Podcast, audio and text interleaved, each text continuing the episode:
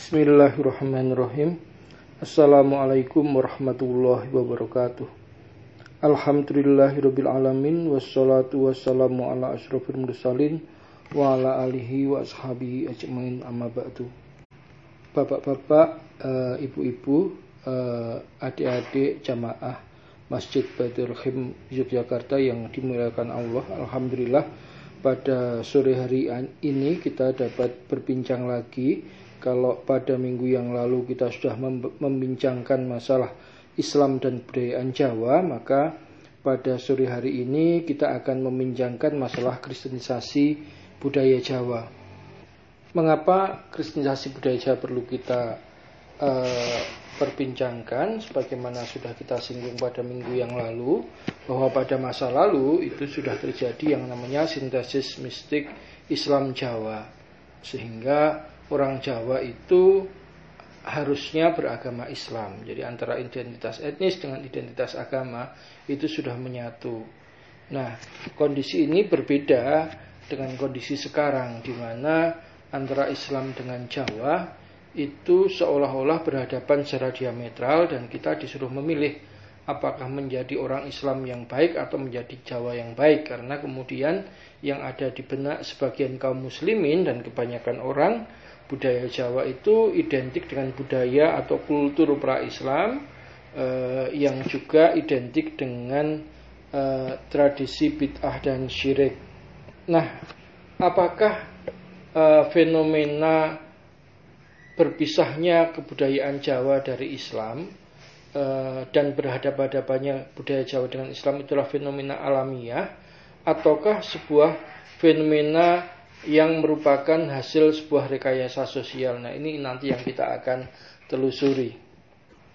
Pada awalnya ketika eh, bangsa-bangsa Kristen dari Eropa datang ke Nusantara, Jawa merupakan wilayah yang tidak menjadi target bagi misionarisme.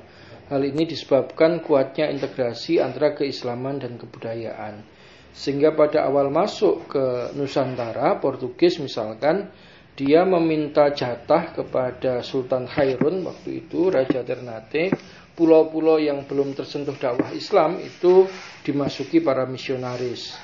Uh, kemudian ketika Portugis melakukan pengkhianatan uh, dengan dia membunuh Sultan Khairun dan akhirnya berhasil di, diusir oleh Sultan Pak Abdullah yang merupakan anaknya, maka kemudian uh, Portugis ini menyingkir dari Nusantara. Sebagai gantinya nanti datang bangsa Eropa yang lain yaitu Belanda.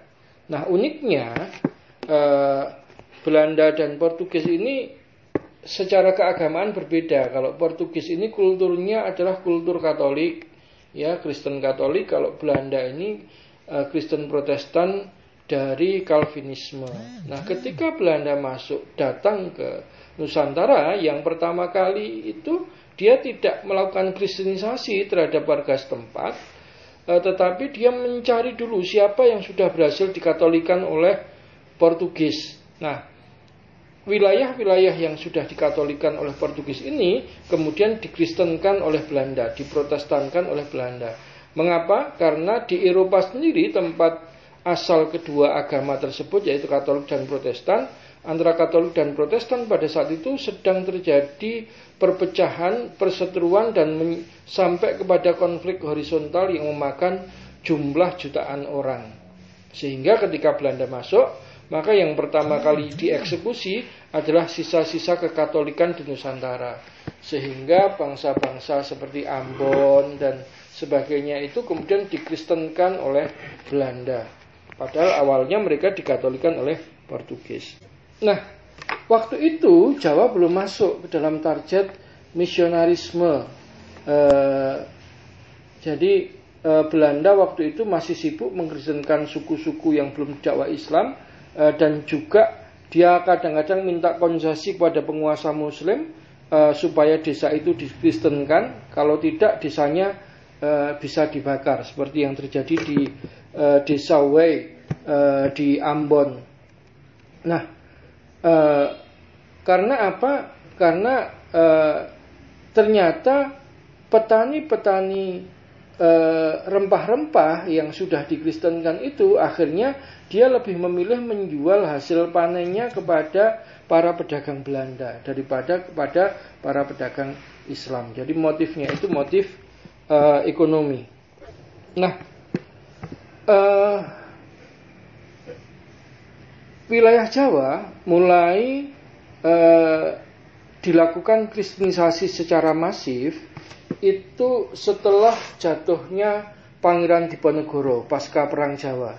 Jadi ketika pasca Perang Jawa ini, uh, di mana Diponegoro dibantu oleh kaum santri, orang-orang Islam dalam jumlah yang luar biasa besar dalam perang yang besar dengan Belanda, sehingga waktu itu Belanda hampir bangkrut. Uh, ketika kemudian Diponegoro kalah, memang ada semacam kejatuhan psikologis dari umat Islam di tanah Jawa mengapa keunggulan Islam itu kok kalah terus ketika berhadapan dengan tentara Kristen Belanda.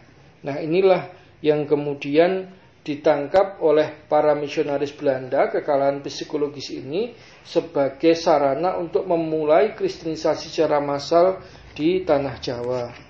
Lalu siapa yang pertama kali dikristenkan? Nah, ini menarik. Karena ternyata tidak mudah mengkristenkan orang Jawa itu. Itu loh.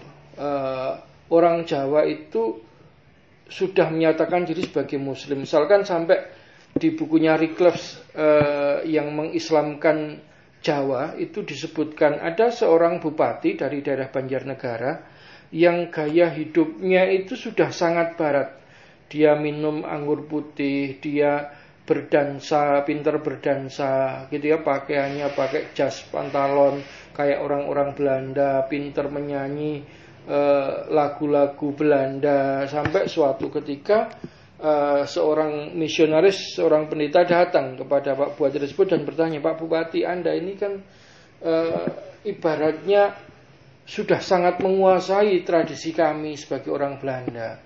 Kenapa sekalian anda tidak masuk Kristen sekalian. Nah, ya. Menarik jawaban dari Pak Buat tersebut. Wahai Pak Pandita, ketahuilah sesungguhnya saya lebih suka ya punya Tuhan satu tapi beristri empat daripada saya harus punya Tuhan tiga tapi hanya boleh punya istri satu. Nah, jawaban ini menarik karena menunjukkan bagaimana seseorang yang dari sisi gaya hidupnya sudah sudah jauh dari Islam pun dia tidak mau untuk keluar dari agama Islam. Ini menarik, menunjukkan bagaimana sintesis mistik Islam Jawa pada saat itu sangat kuat. Sintesis mistik inilah yang kemudian menyebabkan Kristen tidak bisa untuk e, berkembang di tanah Jawa karena tradisi masyarakat desa itu tradisi Islam. Jadi kalau Zaman dulu itu kalau orang sampai tidak ikut yasinan, tahlilan, maka dia itu dianggap sebagai warga kampung yang balilo dan dia akan terusir dari kampungnya. Itu sebabnya kemudian eh, gereja-gereja tidak pernah bisa masuk ke kalangan Jawa. Nah, kekristenan mulai masuk ke kalangan Jawa itu pada masa uh, seorang misionaris blasteran, ya blasteran Rusia Jawa, namanya Konrad Lawrence Kullen. Nah, Kullen ini ini bapaknya adalah imigran Rusia yang menjadi tentara bayaran VOC. Nah, kemudian dia menikahi seorang perempuan Jawa. Nah, dari bapaknya nanti Kullen ini mewalisi nilai-nilai agama Kristen Barat, sedangkan dari ibunya yang keturunan bangsawan, uh, Kullen mewakili ruh mistik Jawa. Jadi Kullen ini uh, merumuskan satu kekristenan baru bahwa untuk menjadi Kristen Anda tidak perlu bertingkah laku sebagaimana orang Belanda. Untuk menjadi Kristen Anda tidak perlu meninggalkan kejawaan Anda. Gitu. Nah sehingga Kulen ini banyak memanfaatkan medium budaya Jawa seperti wayang uh, untuk menyampaikan kisah-kisah dalam Alkitab dan pesan-pesan Kristen kepada masyarakat. Selain itu, Kulen juga mengadopsi tradisi wiridan dalam Islam. Jadi ini menarik. Ini justru saya temui dalam bukunya Pendeta Jans Aritonang. Uh, pertemuan uh, Islam dan Kristen di Indonesia.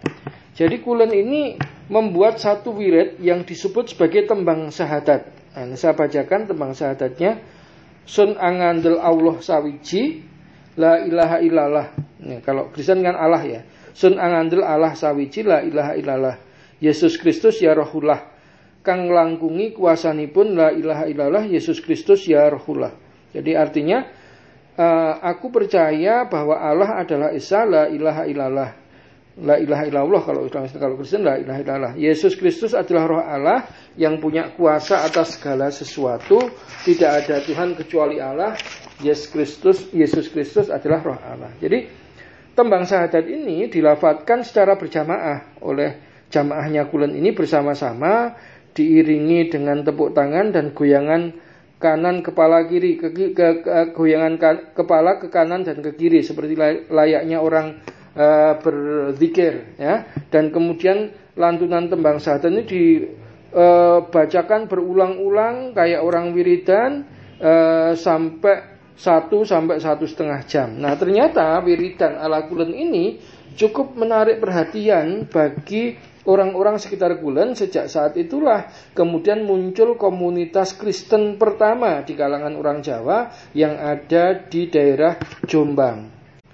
Nah nanti e, dari Kulen ini nanti muncul para penginjil berkebangsaan Jawa. Jadi e, kalau orang Belanda yang menginjili masyarakat Jawa, masyarakat Jawa menolak. Karena apa? Belanda itu identik dengan penjajah yang jahat, yang banyak mengambil hasil bumi Nusantara, yang memiskinkan masyarakat. Nah, Kulen ini punya sikap politik yang berbeda dengan keumuman orang Belanda pada saat itu. Kulen misalkan dia menentang praktik politik tanam paksa di Jawa. Nah, sehingga para petani di sekitar Kulen itu tertarik dengan Kulen. Itu ya. Kemudian cara uh, dia mengenalkan wiridan Kristen ini. Nah, dari sini nanti muncul penginjil-penginjil pribumi antara lain Singotruno, Paulus Tosari, Matius Nip, dan kemudian yang paling berpengaruh adalah sadrah. Nah, eh, orang-orang inilah nanti yang kemudian menjadi ujung tombak bagi penginjilan di kalangan orang-orang Jawa. Nah, sadrah misalkan kita belajar dari sadrah. Sadrah ini gerejanya masih ada peninggalannya di daerah Kecamatan Butuh Purworejo. E, misalkan di dalam menyebarkan agama kepada orang-orang Purworejo, Sadra tidak menyebut tempat ibadahnya sebagai gereja, tetapi dia menyebutnya sebagai masjid Kristen. Nah, nanti coba di googling itu bangunannya mirip dengan bangunan masjid Jawa. Jadi ada atap e, susun tiga gitu ya, limasan tiga, kemudian e, ada mustokonya menyebut e, makanya Satra menyebutnya sebagai masjid Kristen. Kemudian untuk memulai kebaktiannya, e, Kiai Sadra ini memukul beduk dan memukul kentongan supaya para jemaatnya berkumpul ke masjid Kristen tadi. Nah, kemudian setelah itu e, kemudian dilakukan kebaktian. Nah, nanti kalau setelah kebaktian dibacakan doa-doa dan orang-orang yang pulang dari kebaktian dibawai besean berkat sebagaimana orang e, Jawa kalau yasinan dan tahlilan. Nah, dengan metode ini akhirnya banyak orang Jawa yang kemudian itu ikut jemaatnya sadra.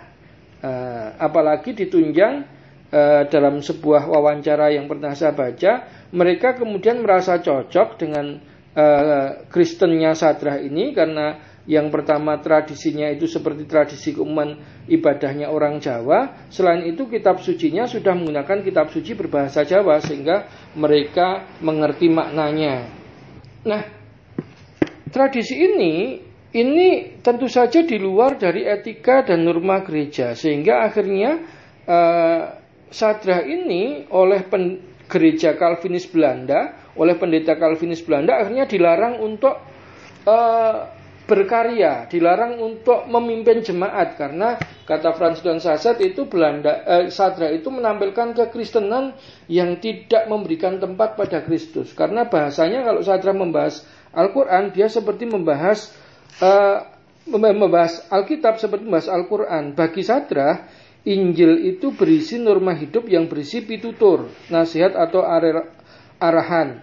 Juga berisi pewaler, larangan dan pantangan. Jadi eh, Sadra ini menganggap Bible sebagaimana Al-Quran yang memuat nasihat dan memuat syariat atau memuat hukum-hukum agama.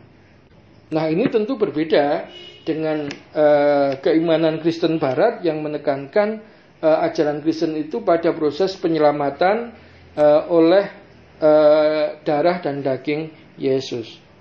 Nah ketika kemudian Sadrah ini dilarang oleh pendeta Calvinis. Waktu itu seorang misionaris Katolik bernama Van Lith itu sudah melakukan korespondensi lama dengan Kiai Sadrah ini. Akhirnya karena inkulturasi budaya yang dikenalkan Sadrah ini dilarang oleh gereja Calvinis Belanda, maka kemudian proses menjawakan tradisi keagamaan Kristen itu diteruskan oleh para misionaris Katolik sehingga di kalangan misionaris Katolik itu dikenal satu istilah yang sangat terkenal yaitu bagaimana bisa menjadi Katolik 100% sekaligus orang Jawa 100%. Ada beberapa eksperimentasi sosial yang dilakukan oleh Van Lith ini.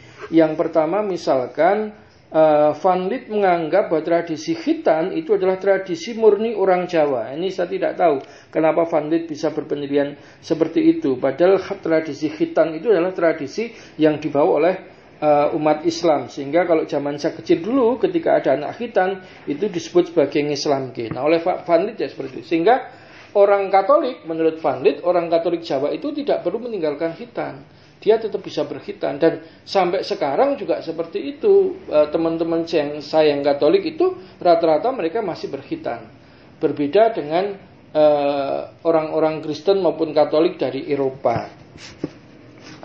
Kemudian Fandi juga pernah melakukan eksperimentasi sosial tapi ini gagal. Dia mengatakan karena penghulu ini adalah pegawai kerajaan ya, maka kemudian sudah menjadi tugas dari penghulu untuk menikahkan siapa pun warganya. Sehingga nanti kalau ada uh, warga yang beragama Katolik menikah, dia tetap dinikahkan penghulu dengan cara uh, nikah Katolik. Nah, tetapi ini tidak pernah berhasil dilakukan oleh uh, Van Lith. Kemudian Van Lith mengatakan uh, belajar dari pengalamannya kekristenan bagaimana misionaris door to door mengunjungi langsung orang uh, untuk menawarkan agama Kristen itu sering kali menyebabkan dia mendapati ada orang yang masuk Katolik hanya karena harta dan sebagainya. Selain itu juga dia banyak ditolak karena dia berkebangsaan Belanda. Nah, karena kebetulan pada saat itu Belanda juga sedang juga sedang menjalankan politik etis, yaitu membuka sekolah-sekolah rakyat sampai ke tingkat-tingkat desa, maka kemudian uh, Van Lith ini e, mendirikan sekolah guru yang ditujukan untuk nanti menjadi ujung tombak bagi pengajaran masyarakat pribumi e, dan juga misionarisme di kalangan pribumi. Jadi sekolah guru Van Lith ini dipersiapkan betul oleh Van Lith. Bagaimana caranya Van Lith mempersiapkan murid-murid dari sekolah guru itu? Yaitu dia berkunjung mengelilingi sekolah-sekolah rakyat yang ada mencari murid yang terbaik. Kemudian murid-murid terbaik itu diberi tawaran untuk men, mela, apa untuk melanjutkan ke Kolese Saverius eh, Kolese Saveriusnya Van Lith yang merupakan sekolah guru di Mundilan eh, dengan diberi beasiswa. Sehingga dengan itu Van Lith mendapatkan murid-murid yang terbaik dan pada saat itu menjadi guru itu adalah prestis tersendiri bagi orang pribumi. Karena berarti dia masuk ke kalangan priayi, priayi, kalangan priayi yang punya pendapatan tetap, dia pegawai e, di pemerintahan e, kolonial Belanda. Sehingga di masyarakat itu posisinya tinggi. Sehingga kata murid-murid e, Kolese Saverius ketika mereka berhasil masuk ke sekolah gurunya Van Lith, mereka mengatakan dengan sekolah di sekolah gurunya Van Lith itu, maka ibaratnya akhirat didapat, dunia juga didapat, dua-duanya didapat. Nah, kita bisa bayangkan e, murid-murid yang baru saja keluar dari sekolah rakyat, kira-kira usia 13 tahun, kemudian dia nanti sekolah di sekolah guru, berhadapan dengan para pater Katolik yang senior, Uh, tentu saja yang terjadi bukan masalah diskusi keagamaan, tetapi uh, indoktrinasi keagamaan karena perbedaan pengetahuannya tentu jomplang gitu ya. Nah, ini bisa dibuktikan dengan catatan yang ditulis oleh Karel Stenbrink dalam bukunya orang-orang Katolik di Indonesia minoritas yang percaya diri mengatakan bahwa nanti ketika masuk di sekolah gurunya Van Lith semuanya itu adalah kalangan uh, dari kalangan umat Islam tidak ada yang beragama Katolik tetapi nanti selulus lulus dari Kolese Saverius atau sekolah gurunya Van Lith 100% murid yang masuk beragama Islam itu ketika keluar dia sudah menjadi Katolik. Nah, ini tentu menarik. Karena di dalam mendidik murid-muridnya, saya baca di bukunya yang ditulis oleh uh, Anton Haryono yang judulnya Awal Mula di Mundilan, Van Lith ini memang sangat hangat terhadap uh, murid-muridnya. Jadi di aula Kolese Saverius itu ada seperangkat gamelan jadi anak-anak itu meskipun dia sekolah di sekolah guru milik orang Belanda, dia bisa belajar tari-tari Jawa. Dia belajar lagu-lagu Jawa, dia belajar mendalang. Gitu ya. Dan itu dibimbing langsung oleh romo-romo uh, Jesuit yang ada pada saat itu. Selain itu, uh, Van Lith dan para romo senior itu sering men mendongeng, dongeng-dongeng Eh, anak-anak yang berasal dari Eropa kepada murid-muridnya tersebut. Nah, selain itu uh, di lembaga pendidikan Van Lith ini hanya diajarkan dua bahasa, yaitu bahasa Indon bahasa Jawa dan bahasa Belanda. Van Lith menolak pengajaran bahasa Melayu karena bahasa Melayu ini kosakatanya sudah banyak menyerap dari kosakata Islam.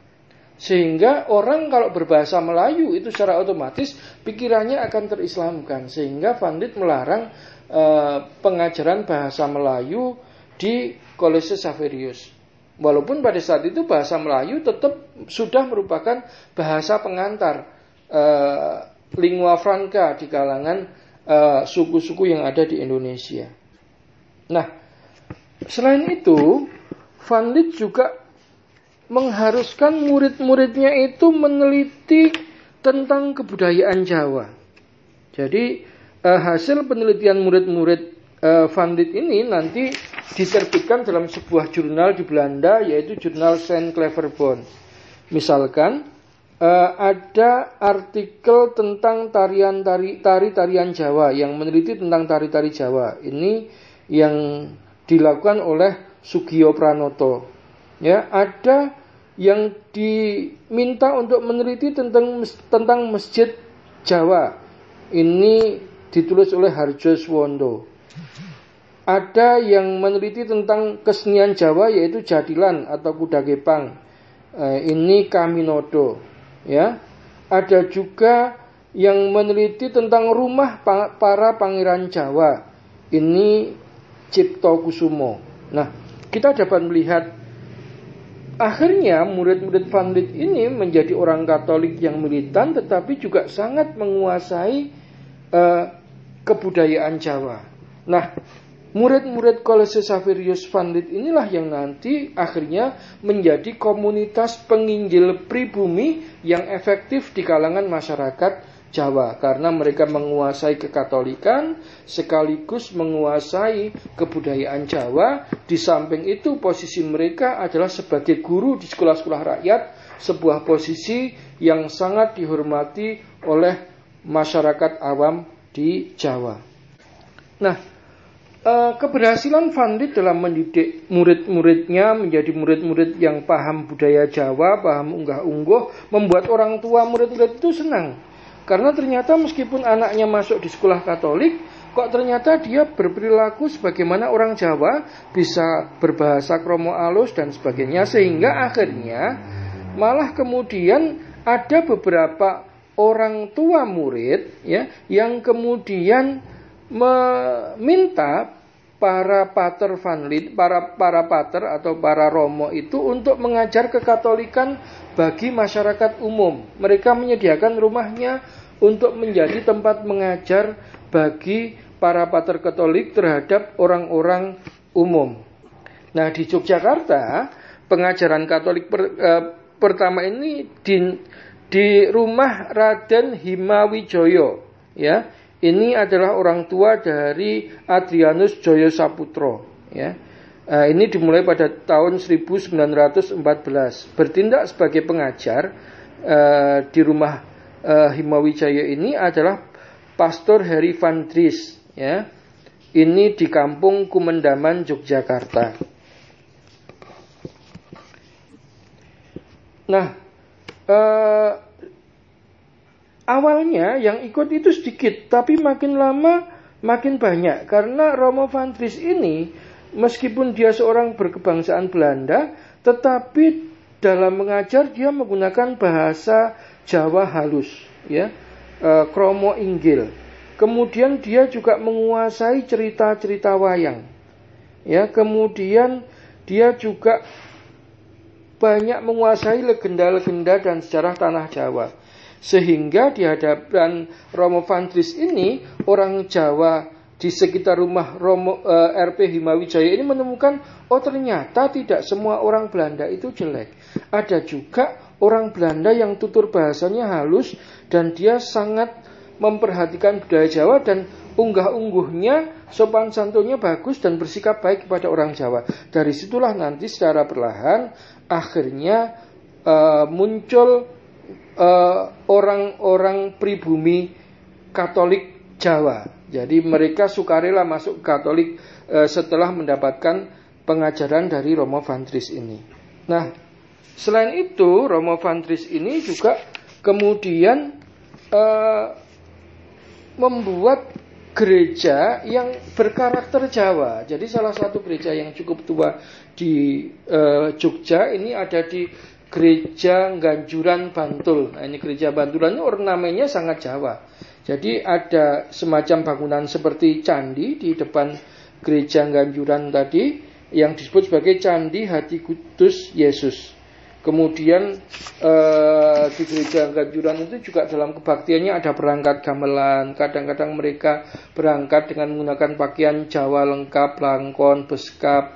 Kalau yang perempuannya memakai ke, ke, kebaya, sehingga dari situlah kemudian eh, antara kekatolikan dengan kejawaan itu di tangan para pater Jesuit pimpinan Van itu menemukan integrasinya sehingga orang menjadi Eh, Katolik itu tidak harus bertingkah laku sebagaimana orang Eropa atau orang Belanda, tetapi dia tetap bisa menjaga kejawaannya. Nah, karena orang Jawa itu juga suka mujahadan, ya, lelean, menenepi dan sebagainya, maka kemudian uh, juga dibuat eh, tempat-tempat untuk menyepi, ya. Ini kalau dalam tradisi Kristen namanya devosi, uh, semacam kayak uh, tafakur gitu ya Nah, itu nanti kemudian dibuatlah uh, Goa Maria seperti yang ada di Sendang Sono. Nanti kemudian berkembang lagi ada seni solawat Katolik namanya seni sloko gitu ya. Kemudian sekarang ini di Katolik juga sudah ada doa arwah bagi orang yang meninggal. Ada doa arwah 7 hari, 40 hari, 100 hari, mendak satu, mendak dua, dan akhirnya seribu hari. Jadi itu adalah bagaimana cara Katolik untuk masuk ke dalam kebudayaan Jawa, eh, termasuk juga kita dapat melihat bagaimana mereka mewarnai upacara sedekah laut, sedekah gunung dan sebagainya. Eh, di Jogja dulu ada seorang pakar eh, seni tari yang terkemuka Bagong Kusudiarjo. Dan dia beliau itu seorang Katolik. Ada juga yang ahli bercerita tentang sejarah Mataram, api di Bukit Menoreh. Kalau dalam bahasa Indonesia kita mengenal tokoh uh, yang merintis Kamus Besar Bahasa Indonesia WCS Purwodarminto ini juga seorang Katolik didikan Vanlit. Jadi serius pihak Katolik ini berdialog berdiskusi dengan budaya Jawa sehingga kita dapat melihat Eh, di kalangan orang Katolik Jawa tidak terjadi pertentangan dengan budaya Jawa, sementara di satu sisi umat Islam saat ini karena kurang paham sejarah akhirnya sering memperhadapkan antara Islam dengan kebudayaan Jawa. Baik itu yang uh, bisa saya bahas pada sore hari ini. Mudah-mudahan ada manfaatnya. Akhir kalam bila taufiq Assalamualaikum warahmatullahi wabarakatuh.